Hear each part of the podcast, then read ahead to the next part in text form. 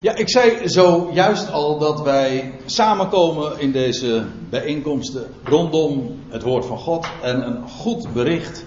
Maar het onderwerp, dat moet ik er eerlijkheidshalve bij zeggen, dat we vanmorgen gaan bespreken en dat ik wat nader uiteen wil zetten, dat is bepaald niet, als je alleen al gewoon de titel leest, vrolijk stemmend. Strijd tegen de zonde. Zowel het begrip strijd als het begrip zonde. Dat zijn nou niet woorden waarvan je nu zegt. Fijn dat we het daarover hebben en heerlijk om daarover te spreken. Strijd vind ik altijd erg vermoeiend. En zonde, ja, daarvan zou je iets soortgelijks kunnen zeggen. Dat mist het doel. Dat is wat immers het woord zonde betekent. Maar ik heb er een vraagteken bij gezet. En ik heb er nog iets bij gezet, en dat is een plaatje. Waarbij er heel duidelijk een omkeer is. Waarbij je heel duidelijk ook een scheidslijn ziet, en dat is, ziet, en dat, is dat kruis. Met daarvoor zwarte plaatjes van uh, iemand die gebukt gaat onder een zware last, maar dat uiteindelijk neerlegt, bij, daar bij die paal, bij dat kruis. En dan vervolgens in vrijheid verder gaat na dat kruis. En daarmee heb ik denk ik wel. Nou ja, het is geen plaatje van mezelf, maar ik heb het wel zelf in ieder geval van het internet gehaald.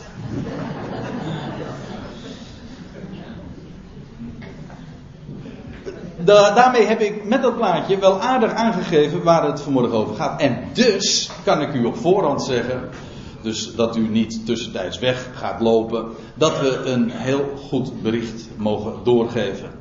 Ja, en daar ben ik erg blij mee.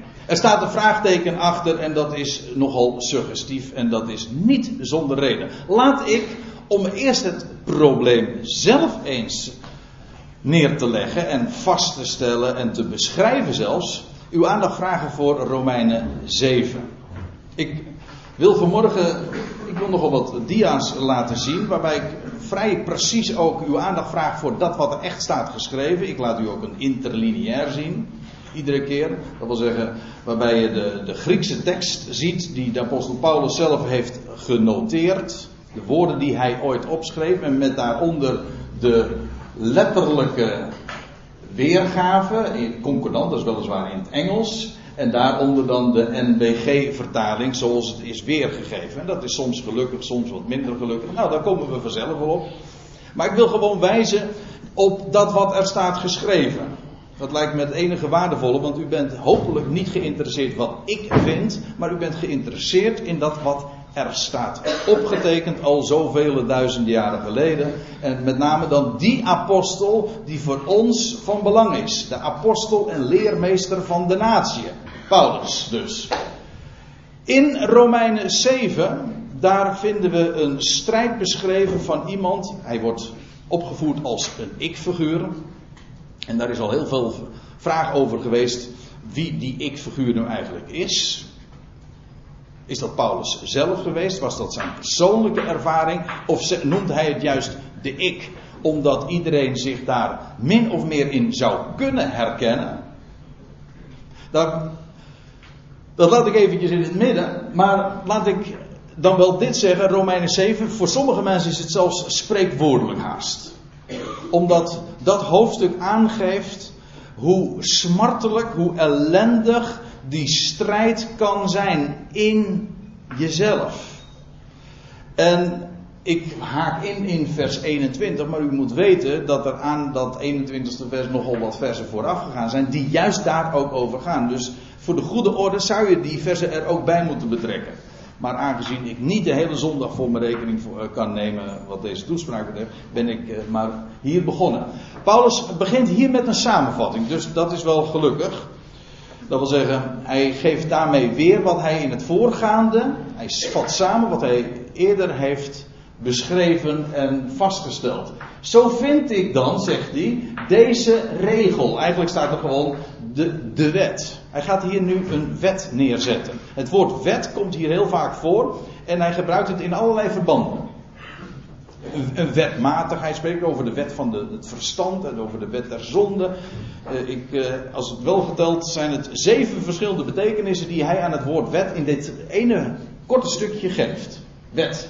Hij zegt, ik vind deze wet, deze wet alles vastgesteld hebben, dat beschreven hebben, wat hier dus aan vooraf gaat, vind ik deze wetmatigheid. En dan zegt hij, als ik het goede wens te doen, is het kwade bij mij aanwezig. Letterlijk staat er, als ik het goede doe, of letterlijk het, het ideale wil doen, dan is het kwade, dat ligt ernaast. Dat is erbij aanwezig, maar dat ligt als het ware op de loer. Altijd. Dat is op zich al een beetje een. Nou, een beetje. Uh, dat is een hele ellendige vaststelling. Ik gebruik expres dit woord, want Paulus noemt zelf ook dit woord even later op. Hij had geschreven van ja, ik had van de zonde niet geweten. Hij zegt maar totdat die wet dan kwam. En die wet die mag dan in zichzelf goed zijn. Maar die wet zegt, gij zult niet begeren. En, en die wet bleek juist een prikkel te zijn tot de zonde. Dus ja, dan mag die wet ideaal zijn. Maar de uitwerking ervan, zonder daarbij van schuld te spreken van de wet, maar die uitwerking is precies tegenovergesteld. En dat is, dat is een, een vreselijke intern conflict wat dat oplevert. Als, als ik het goede wens te doen, en wie herkent dit niet? Wie een klein beetje zichzelf kent, die zal in elk geval hier voorbeelden uit zijn eigen leven kennen. Als ik het goede wil doen, dan ligt het kwade bij mij op de loer, of ligt daarnaast. Dat ligt zo dicht bij elkaar. Dus dan zijn de intenties wel goed, de wil is er wel, maar hoe was het ook alweer? Maar dat is een woord wat weer elders aan eh, geschreven staat. de geest is wel gewillig, maar de drank is sterk. Oh nee, nee. De, ja, het vlees is zwak, ja. Het vlees is zwak, ja. Zo was het dan is het kwade bij mij aanwezig, ligt op de loer. Wat zegt Paulus dan? Want ik, ik ga wat sneller. Uh, dat wil zeggen, ik, ik, moet door die versen heen. Want ik wil u uh, toch aandacht vragen voor uh, veel meer schriftplaatsen. Want naar de inwendige mens, de, de mens binnen, hier aan de binnenkant, verlustig ik mij in de wet van God. Hij verblijdt zich als in zijn hart gewoon de, innerlijke, de innerlijke mens die verblijdt zich in wat God gesproken heeft, in die wet van God, in de Torah van God. Dat is het punt niet. Maar zegt hij dan, in mijn leden, dat wil zeggen in mijn lichaam, in mijn handen, in mijn voeten, in mijn tong, in mijn. Nou ja, ik kan nog wel meer lichaamsdelen noemen. In mijn leden zie ik een andere wet. Hier weer een wet. Dus hij had het over de wet Gods. Daar verblijft hij zich in de, naar de inwendige mens in. Maar hier zegt hij: In mijn leden, in mijn lichaam, zie ik een andere wet. Een andersoortige wet. Een wet die anders is, met recht. Heteros staat eigenlijk. Dat wil zeggen, een wet die, maar niet alleen, het is niet een andere wet, het is een wet die anders is, andersoortig. Een wetmatigheid. Welke is dat? Die strijd voert. AA. Hier zijn we bij het onderwerp. De strijd. Die strijd voert tegen de wet van mijn verstand. Dat is precies ook wat, wat Paulus uh, zegt. Heel correct weergegeven. Dus, aan de, e- dus dit is een beschrijving van een intern conflict in de mens zelf. De inwendige mens het verstand, want het verstand onderkent, ja, dat wat die wet zegt, is volkomen correct. Dat, daar kan ik niks tegen inbrengen, zo is het. Maar ik zie in mijn lichaam, in mijn lichaamsleden, een andere wetmatigheid en die twee conflicteren. Die, die, die voeren een strijd in mij. Een strijd buiten je, dat kan vermoeiend zijn, maar dit is, dit is een, een hele ellendige strijd, omdat dat binnen in de mens zelf plaatsvindt. zodat de mens inderdaad uiteengescheurd wordt. Want eigenlijk is dat wat je krijgt. Waarbij het ene deel, het verstand, de inwendige mens, die kant, en, en de andere deel van de mens, die kant. En dat is een conflict, dat is een strijd. En dat is echt ellende. Want, want Paulus zegt dan vervolgens. En mij, in hetzelfde 23e vers. En mij tot krijgsgevangene maakt van de wet der zonde. Heb je weer een, weer een wet dus. Dus de wet van God, de wet van het verstand, die onderkent dat die wet Gods, daar, daar niks op aan te merken is. En, en, maar die, dat conflict, dat is killing, dus dodelijk. Waarom? En dat is, en dat, daarom is dit absoluut niet blijmakend. Waarom?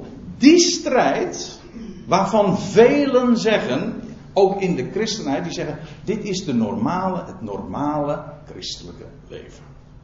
Wij worden geroepen altijd maar tot strijd. Elke dag weer opnieuw. We weten dat we die strijd verliezen en toch gaan we daarmee door.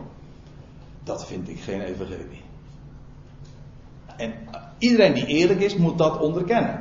Het is geen evangelie, het is geen blijde boodschap. Men kan dan wel spreken over een blijde boodschap en Jezus Christus die bevrijdt van zonde. Men, men zingt ook wel die liederen, maar in werkelijkheid, in de praktijk, tobben juist christenen met de zonde. De niet-christenen hebben er geen boodschap aan doorgaans, die zal, die zal dat worst wezen. Ik zeg niet dat die geen innerlijke conflicten kennen. In wezen is dit namelijk een universeel verhaal van iets wat je weet dat je moet doen, maar wat je toch niet lukt.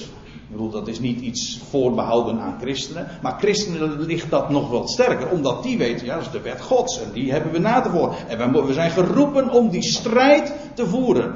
Als ik, zou zo passages uit de catechismus, uit het doopformulier. Allemaal van die geschriften die in ons christelijk vaderlandje bekend zijn. Zou ik zo kunnen aanhalen waarbij inderdaad wordt aangegeven. Dat is de strijd die wij hebben te voeren.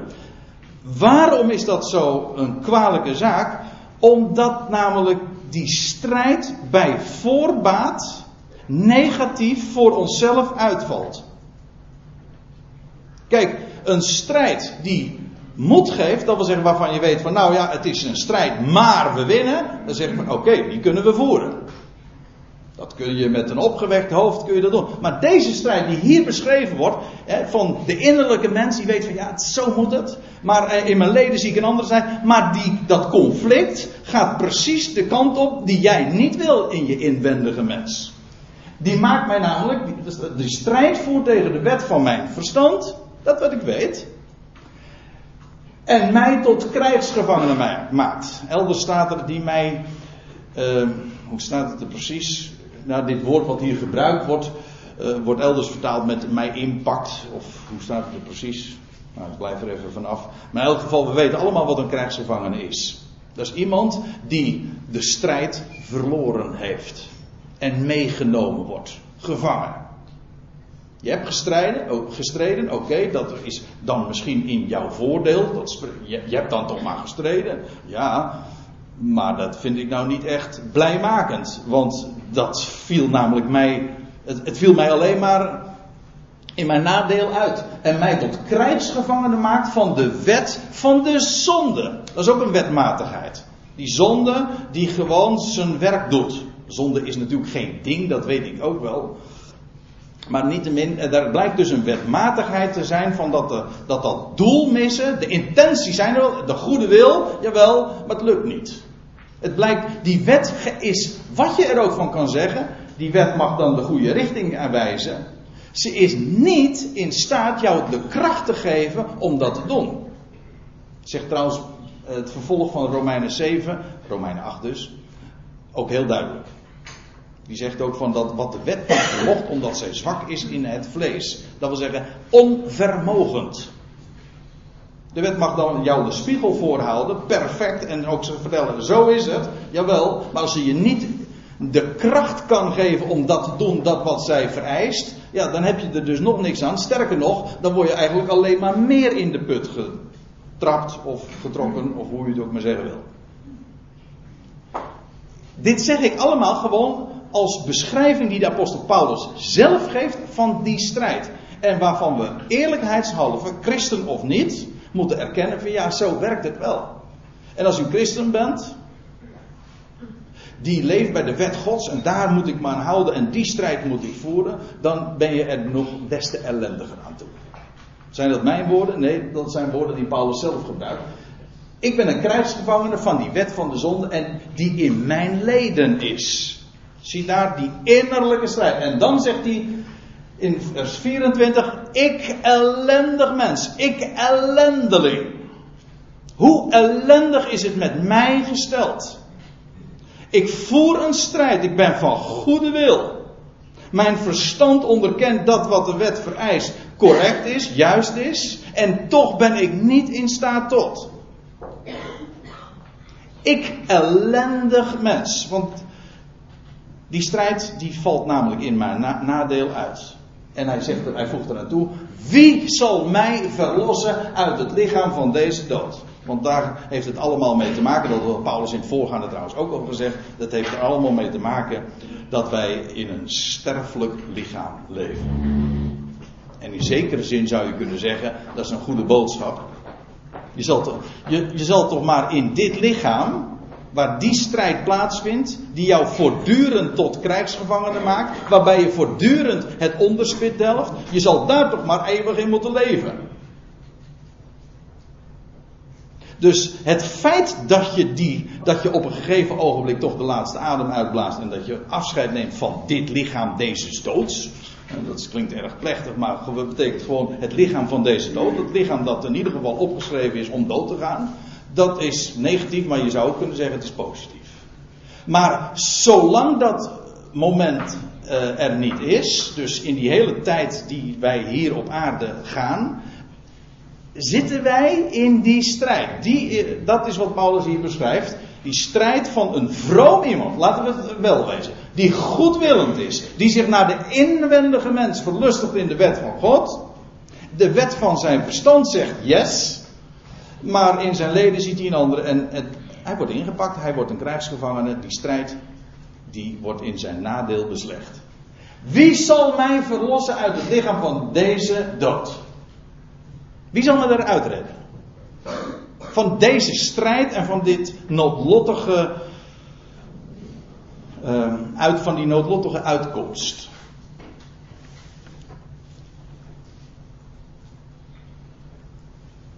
En deze uitroep die Paulus hier doet, dat, daar is dus een heel traject aan vooraf gegaan. Allemaal ervaringen die hij beschrijft. En dan de conclusie: ik ben een ellendeling. En de vraag is: wie zal mij daaruit verlossen uit het lichaam van deze dood? En dan krijg je vanaf dit vers een complete omkering. Want het antwoord is vervolgens in onze vertalingen. Als u een concordant version hebt, staat er nog iets tussen zelfs. Daar staat er namelijk een, hier nog voor genade.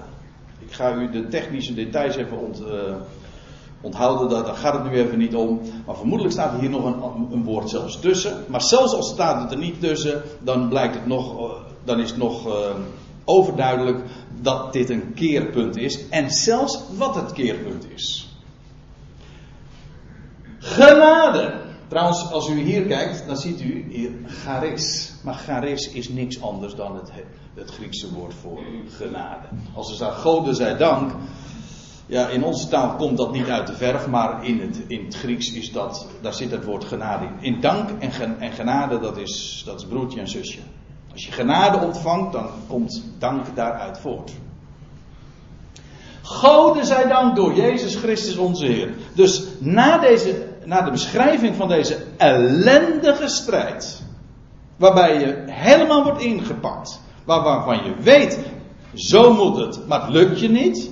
Dat eigen onvermogen, een van de kenmerkende dingen van dit hoofdstuk van Romeinen 7 is hoe vaak het woordje ik klinkt. Ik, ik, ik, ik, ik, ik, ik.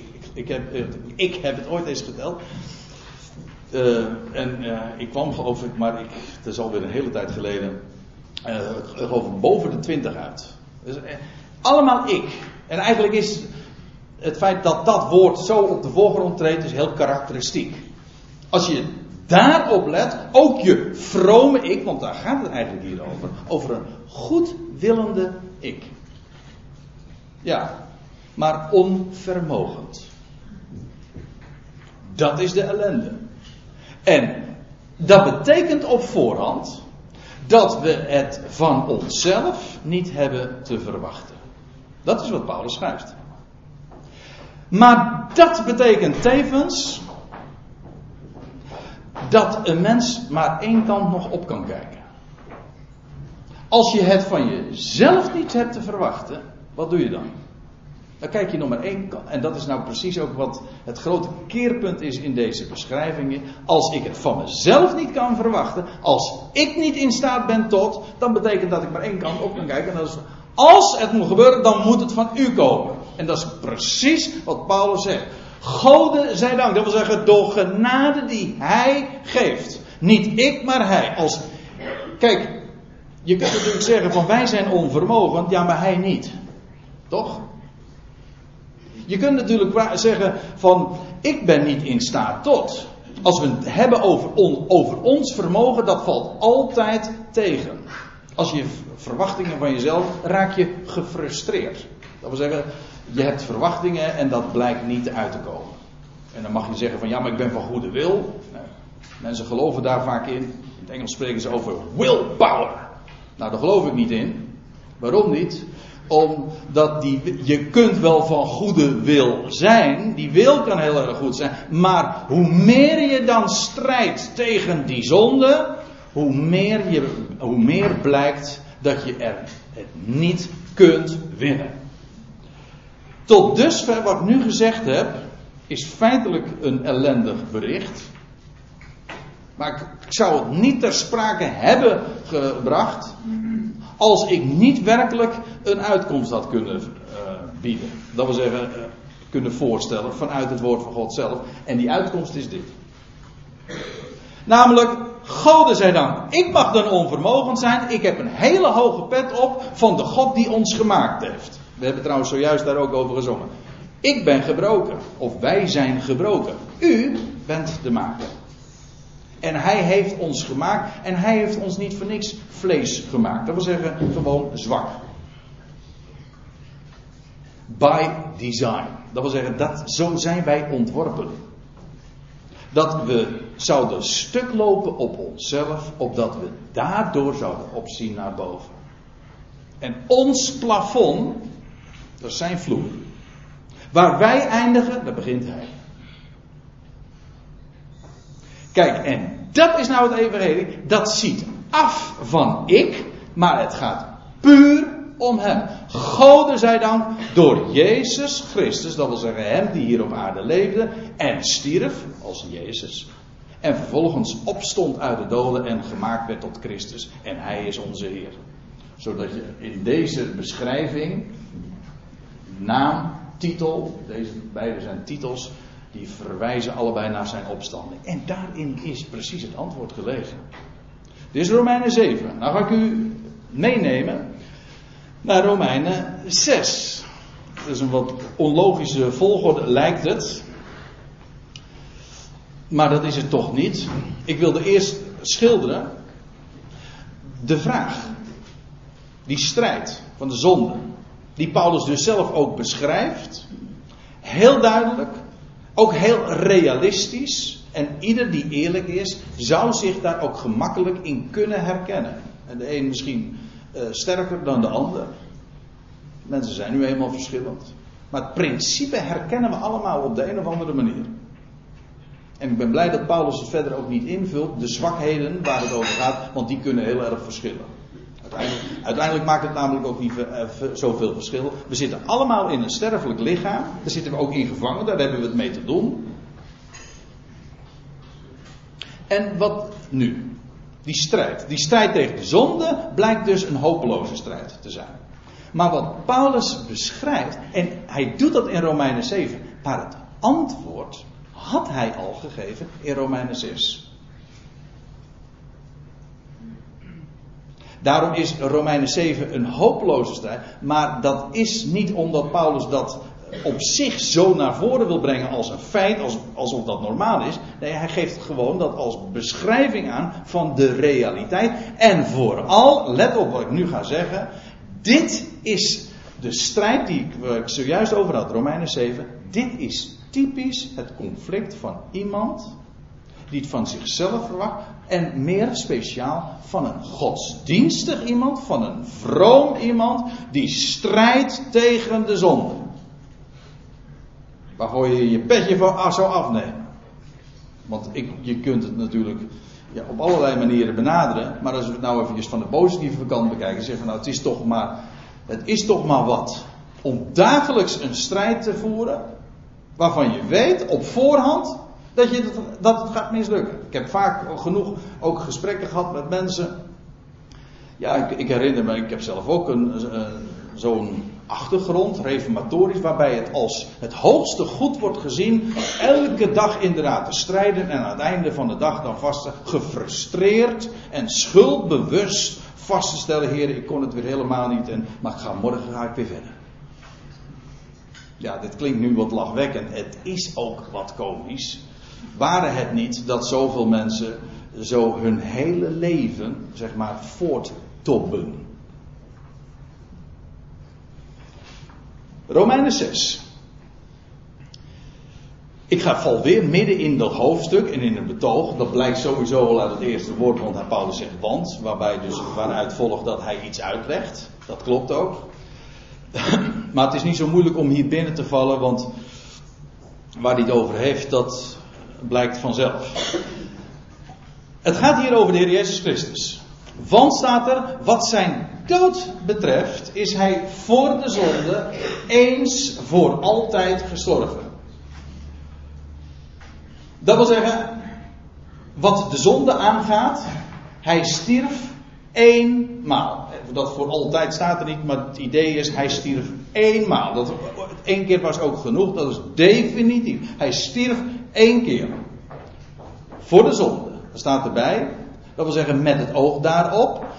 En vervolgens, uh, wat zijn leven betreft, leeft hij voor God. Hij, en ik heb expres dat plaatje van die weggerolde steen erbij gedaan. Dat wil zeggen, dat gaat over het leven wat hij aan het licht bracht.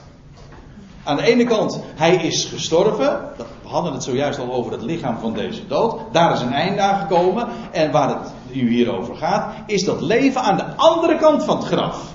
Waarbij het lichaam van deze dood voorbij is. Dat, dat ligt dus met recht achter je. Het donkere dal. We zullen het straks trouwens ook zingen.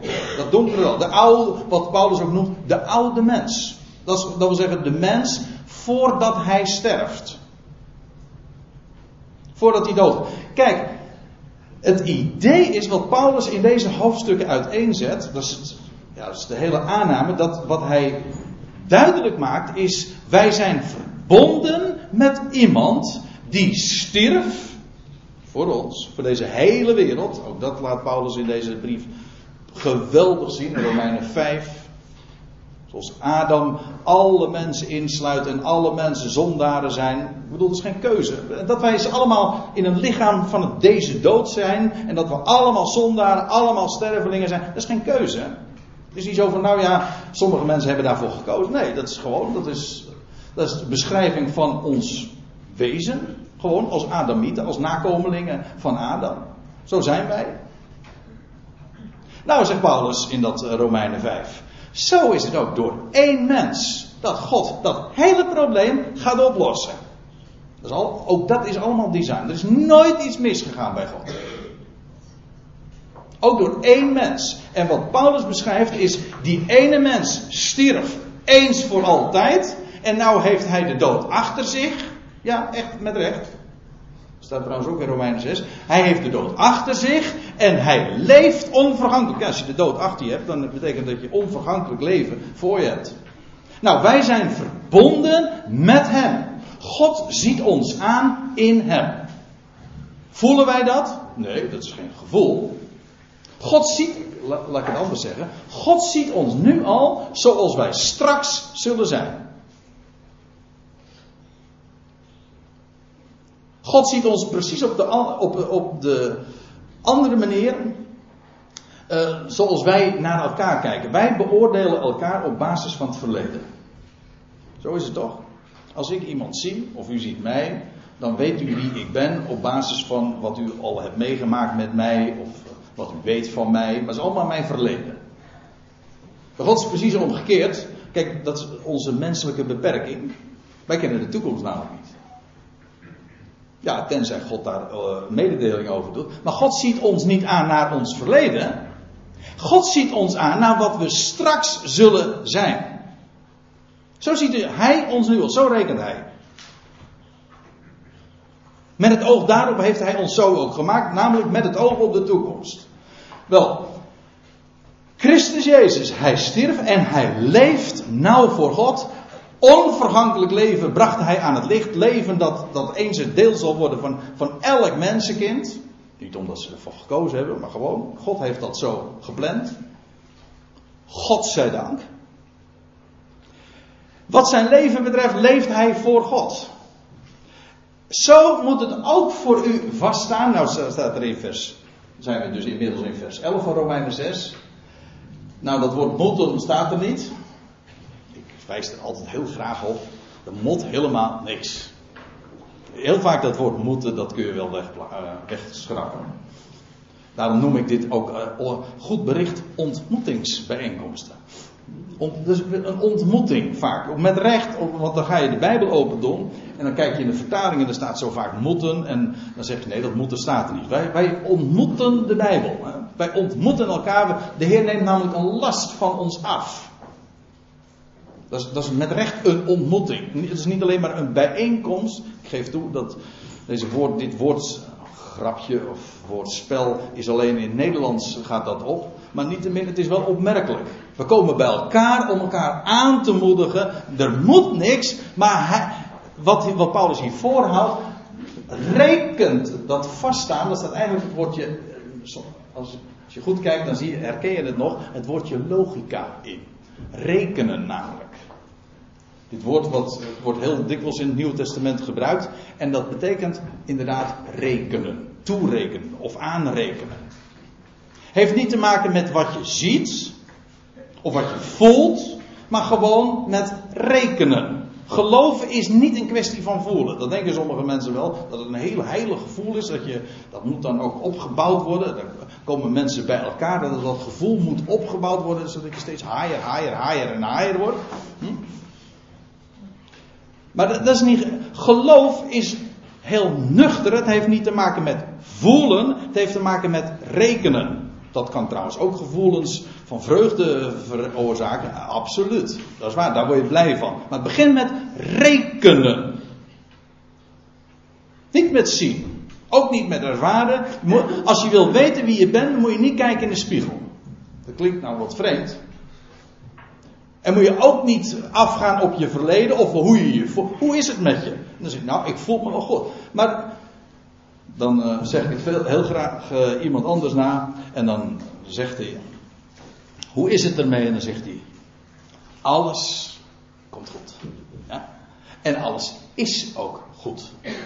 In goede handen. Zo rekenen wij. En dan kun je inderdaad opgewekt. Als je afgaat op je gevoel, ja, dat is dan zus en dan is het weer zo. Sommige mensen zijn helemaal zo. En ik had zojuist in het toilet nog even een gesprekje met iemand die zei van ja, nou ja, uh, hoe het precies ging, daar zullen we het maar niet over hebben. Maar in elk geval uh, stabiel. Nou, dat is mooi. Kijk, dat is mooi trouwens ook als je afgaat op wat je weet. Of wat God gesproken heeft, zo reken je, dat is stabiel. Verandert niet. Heeft niet te maken met van ja, dat hangt er vanaf of je me. Uh, of ik lekker geslapen heb, of, of ik een leuke dag heb gehad met mijn collega's. Dat heeft er allemaal niets mee te maken, dat zijn ervaringen.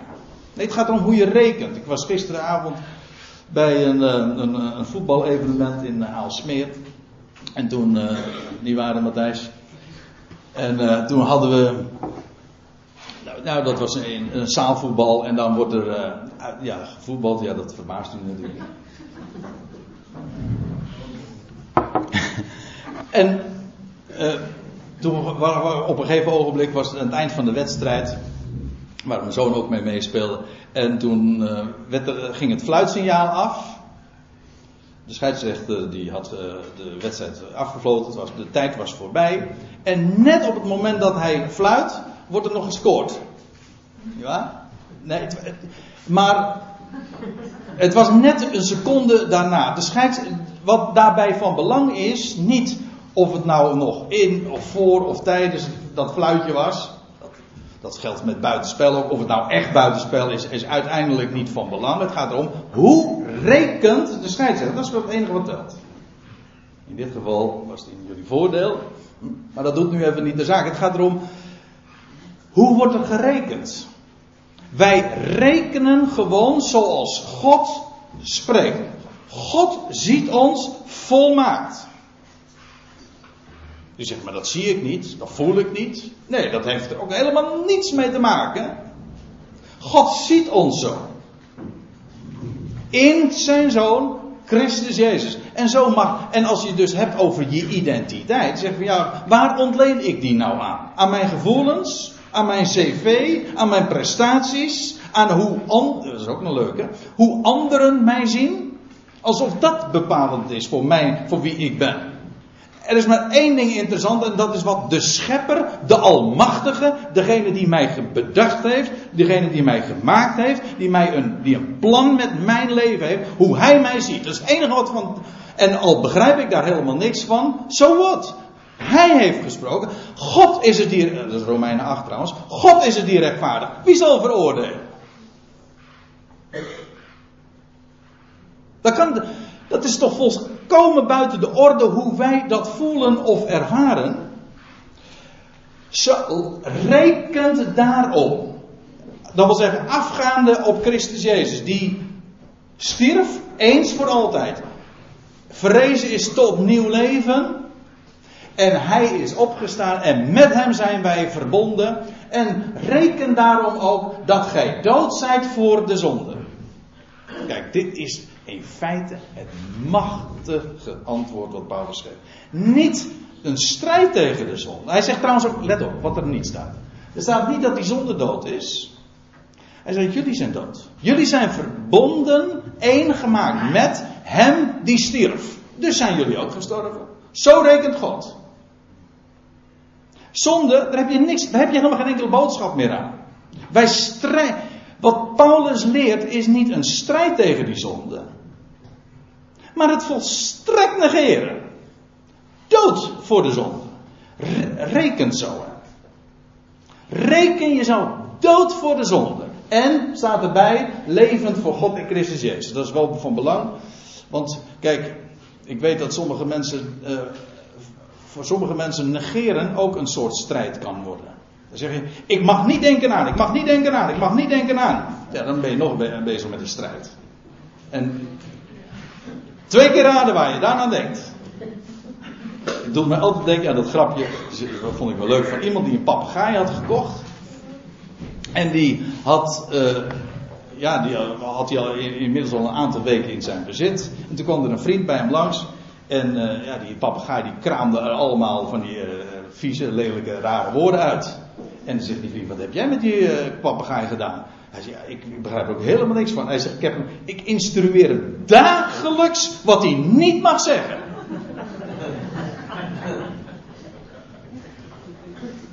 Dus, nou weet je hoe, hoe dat ook werkt. Dat mag je niet, dat mag je niet. Denk niet aan, denk niet aan. Nee, maar kijk, negeren is inderdaad het antwoord. Maar negeren betekent niet van niet denken aan. Niet, nee, negeren kan dan maar door één ding. Dat is niet door dat voor te houden, maar dat is door een alternatief te hebben. Ik ben dood voor de zonde. Wat betekent dat? Hoe werkt dat in de praktijk? Ik leef gewoon voor God. Maar levend voor God in Christus Jezus. Dat wil zeggen, Christus Jezus, hij is opgestaan uit de doden. Hij leeft en in hem leven wij. En wij leven gewoon onbekommerd voor God. En met de zonde? Hoezo zonde? Wat? Dat ligt achter ons. We zijn een nieuwe schepping. En feitelijk nemen wij dan al een, een, een voorschot op wat zal zijn. In de nieuwe schepping hebben we ook die strijd niet meer. We hebben ook niks meer te maken met de zonde. Dat mag niet en dat helemaal niet. We leven alleen voor God en de zonde is gewoon voorbij. Nou, wij leven. Wat Paulus voorhoudt is dat wij nu al zo leven. Met de zonde hebben we niets meer te maken. En ik weet wat ik nu, wat ik nu zeg. Er worden altijd stevast verkeerde conclusies getrokken. En ik uh, moet zeggen, ik ben er eigenlijk wel blij mee, want ik bevind me namelijk in goed gezelschap, want Paulus had dat namelijk ook. Moet u maar eens opletten wat er vervolgens staat. In het In, in, in Romeinen 6. Wat zullen wij dan zeggen? Oh, dus dat rekent God allemaal. Dus laten we zondigen. Nou, dan betekent dus dat je jezelf nog steeds rekent als een zonde. Ik zal je nog eens wat vertellen. Weet je dat in wij geloven, wij die geloven, verbonden zijn met Christus Jezus. We zijn gestorven, de zonde is voorbij. Wij, wij waren zondaren. Zegt Paulus ook in Romeinen 5. Toen wij nog zondaren waren. Dat ligt achter ons. Maar ben je dan geen zondaar meer? Nee. Maar ervaar je dat? Ervaar je dat? Zo reken ik. En ik leef gewoon voor God. Onbekommerd. Met de zonde hebben we niets te maken. Dus niet we beginnen de dag van Heer, helpt u me vandaag in de strijd tegen de zonde. Hoezo zonde? Die bestaat niet. Die is volstrekt buiten orde. Dat ligt niet eens in onze horizon. Dat is wat Paulus zegt. Reken daar niet mee. Leef gewoon. Ik bedoel, leef ja. Niet overleven, maar leef. Want dit is helemaal geen overleven. Want dit is namelijk een leven waar het niet over heeft. Dat de dood achter zich heeft, dus dat is helemaal geen overleven. Want dat is een leven dat de dood met recht volkomen uh, niet, uh, ja, achter zich heeft liggen. Niet meer in het vizier is. Wij leven voor God in Christus Jezus. Dan ga ik even verder op in, het, in hetzelfde hoofdstuk. En dan gaan we in, de, in vers 14. Daar zegt Paulus, immers de zonde zal over u geen heerschappij voeren. Immers staat er dan, die zal geen heer over jullie zijn. Nou weet ik wel wat mensen, wat mensen daarover zeggen. Ik bedoel, christenen. Godsdienstige mensen. Vrome mensen. Ik zeg het met alle respect. Al, is, al klinkt er een cynische ondertoon in. Maar die kan ik helaas niet uh, wegtoveren. Want er zit inderdaad iets cynisch in.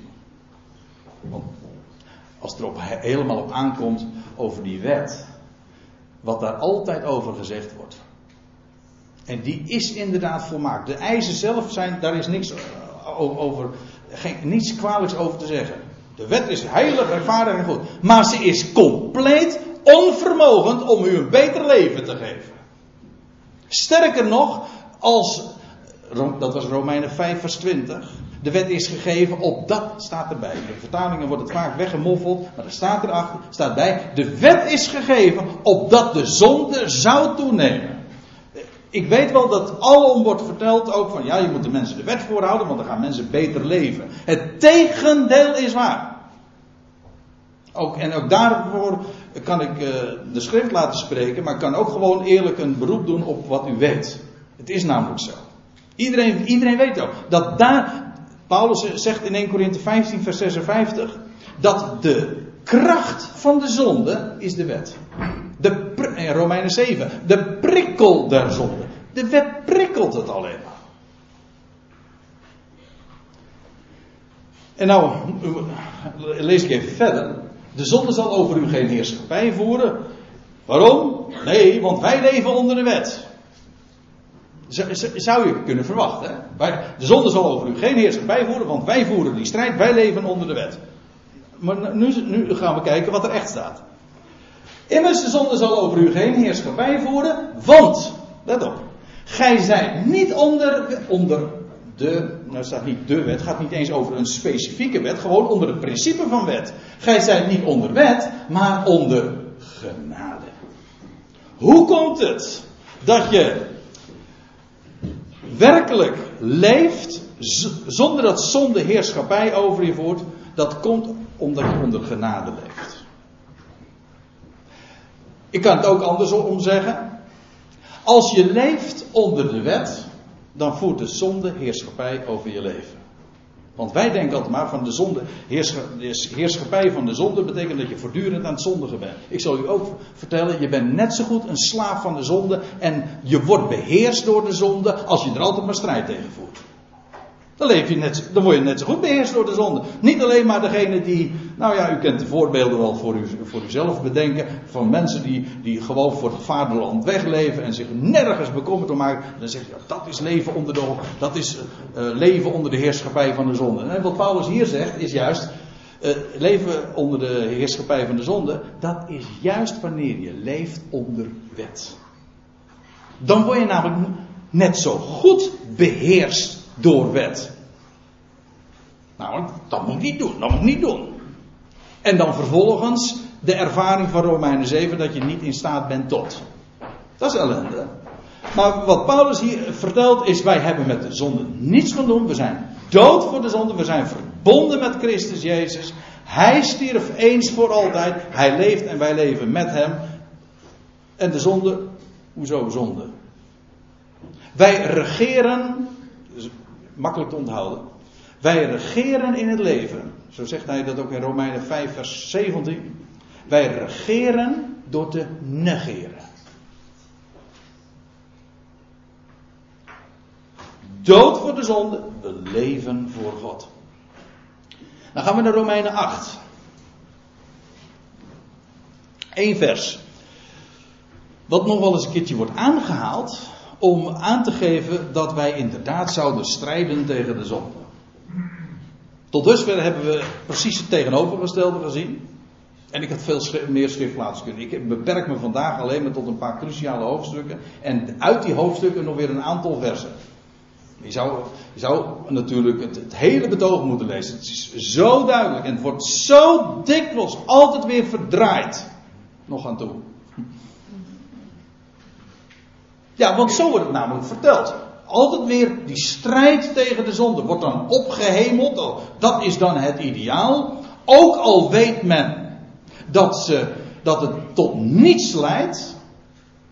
Het is dramatisch. En onderwijl spreekt men over Jezus Christus die ons bevrijdt van de zonde. Hoezo, denk ik dan? Dat is toch, dat is toch hypocriet? Of in ieder geval, nou ja, hypocriet is meteen misschien een, moreel oordeel, maar zo bedoel ik het niet. Ik wil zeggen dat die twee conflicteren toch? Dat is toch niet een leven in, in het zonneschijn? Kijk, als ik zeg dat wat Paulus in Romeinen 6, 6 beschrijft, dat we dood zijn voor de zon, we leven onbekommerd voor God. Dat vind ik heerlijk om zo te mogen leven. Dag in, dag uit. Voor hem, dat is met recht onbekommerd, want die zonde, de dood, dat ligt achter me. Dat is met recht een nieuw leven. Maar nou even Romeinen 8, vers 13. Indien gij naar het vlees leeft, naar het vlees leeft. Weet u wat dat is? Niet in het vlees. Het vlees zelf, ja, dat is gewoon het lichaam. Ik weet wel, ook daarvan wordt maar gezegd van ja, dat is zondig. Dat zegt, dat zegt Paulus niet hoor. Paulus zegt in Efeze 5, niemand haat toch ooit zijn eigen vlees, maar je voedt het, je koestert het. God is degene die dat gemaakt heeft. Oké, het is sterfelijk, dat is waar. Beperkte houdbaarheid, zeg maar. En als, het is niet geschikt om leiding te geven. Dat is waar. En dat is waar het ook hier over gaat. Naar het vlees leven wil zeggen dat het vlees jouw uh, patroon is. Jouw, uh, hetgene is waar jij je naar voegt. Het vlees geeft leiding. Je leeft naar dat vlees. De impulsen, de prikkels die dat vlees geeft, daar voldoe je aan. Dat is jouw leidmotief, zeg maar. Kijk, dat is naar het vlees leven. Nou, dan zul je sterven. Dat is een stervensproces ook. Ik bedoel, ook geestelijk gezien. En ik moet even vervolgen. Indien gij door de geest leeft. Ja, nou lijkt dat misschien een uh, erg punt, komma kwestie. Maar ik moet er toch even op wijzen. Er staat niet door de geest. Dat woord door kun je doorschrappen. Want hij, er staat hier in in een naamvol, dat kennen wij in het Nederlands allemaal niet zo erg meer, maar staat er in een naamvol dat de plaats aanduidt. Ingeest of bijgeest. Het is niet een instrument, het is niet zo van. Nou ja, ik, kom, kom, er straks nog even op terug. Laat ik even eerst eh, nog even verder lezen. Indien gij in geest of bijgeest de werkingen van het lichaam, letterlijk staat er de praktijken van het lichaam. Dat wil zeggen, de praktijken, als je leeft naar het vlees, gewoon doet wat, wat alles wat je lichaam ingeeft. Ja, dat is de werken van het vlees, is heel dom. Hè? Dat weten we allemaal. Als, je al, als een mens alleen maar doet dat wat zijn lichaam aangeeft, of alle, alle, altijd alle prikkels, daar, uh, daar word je dood en dood ongelukkig van. Daar ga je van dood.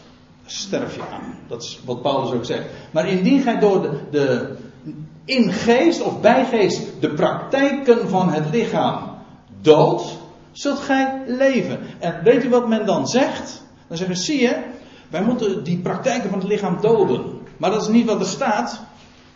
Er staat gewoon, indien gij in geest de werk, de praktijken van het lichaam dood. Het punt is, daar waar wij leven bij geest, daar worden de praktijken van het lichaam gedood.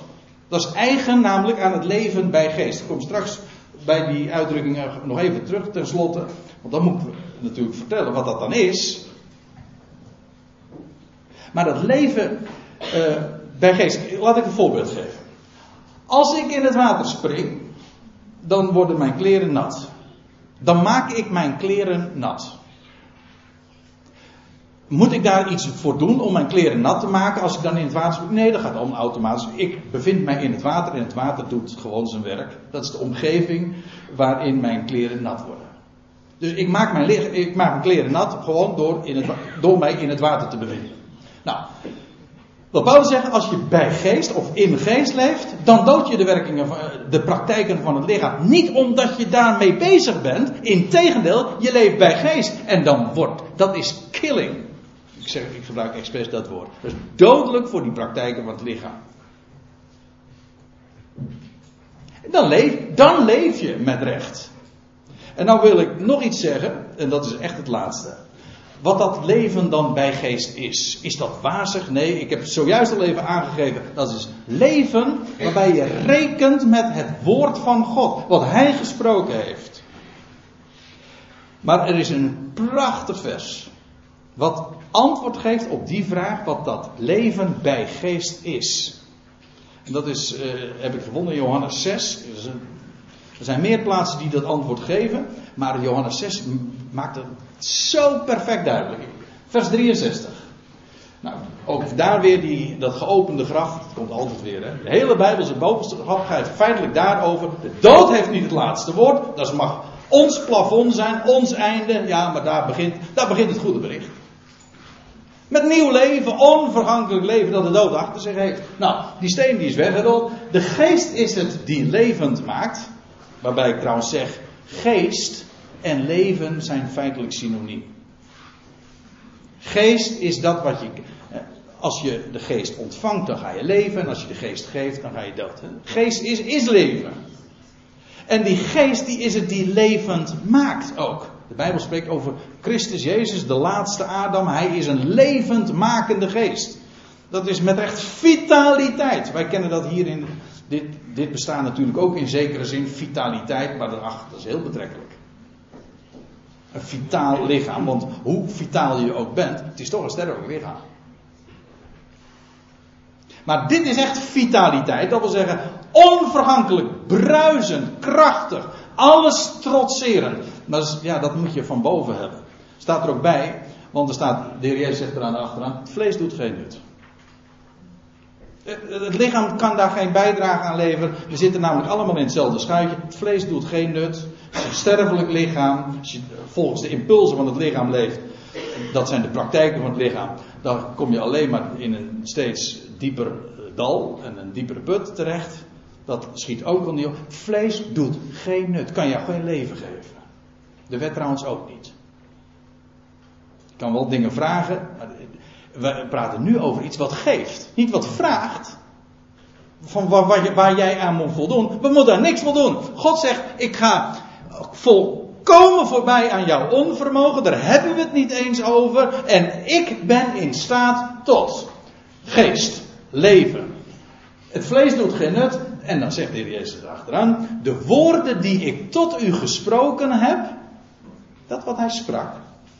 En ik voeg eraan toe ook de woorden die hij nu spreekt. Die hij later gaf toen hij eenmaal opgevaren was. En de apostel Paulus ook de openbaringen deed. Dat zijn de woorden van de Heer. Wat Paulus doorgaf in Romeinen. Dat zijn de woorden van de Heer Jezus Christus zelf.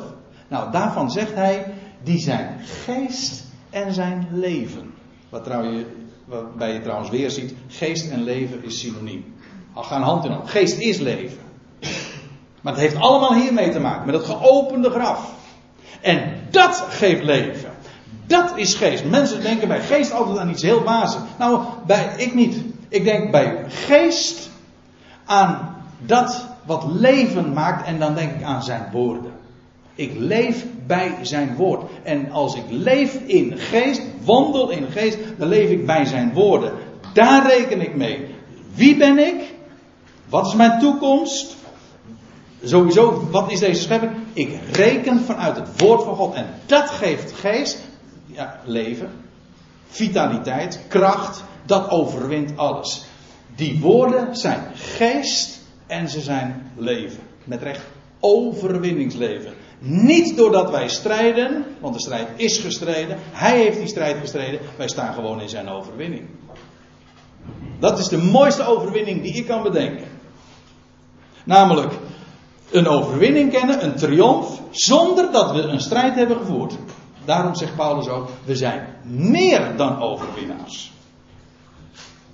Een overwinning kennen terwijl een ander de strijd heeft gestreden. Alsjeblieft, moet je je voorstellen dat een, een, eh, een, eh, een bokser uh, thuis komt en die zegt tegen zijn vrouw, hè, die heeft net weer een, een, wedstrijd gewonnen en heeft daar een heel kapitaal mee gewonnen. En die zegt tegen zijn vrouw, alsjeblieft, dat is voor jou. Dat is mooi. Die, die, vrouw die krijgt dus de prijs, terwijl hij gestreden heeft. Dan ben je meer dan een overwinnaar. Dan ben je meer dan een overwinnaar. De prijs krijgen terwijl hij de strijd streed.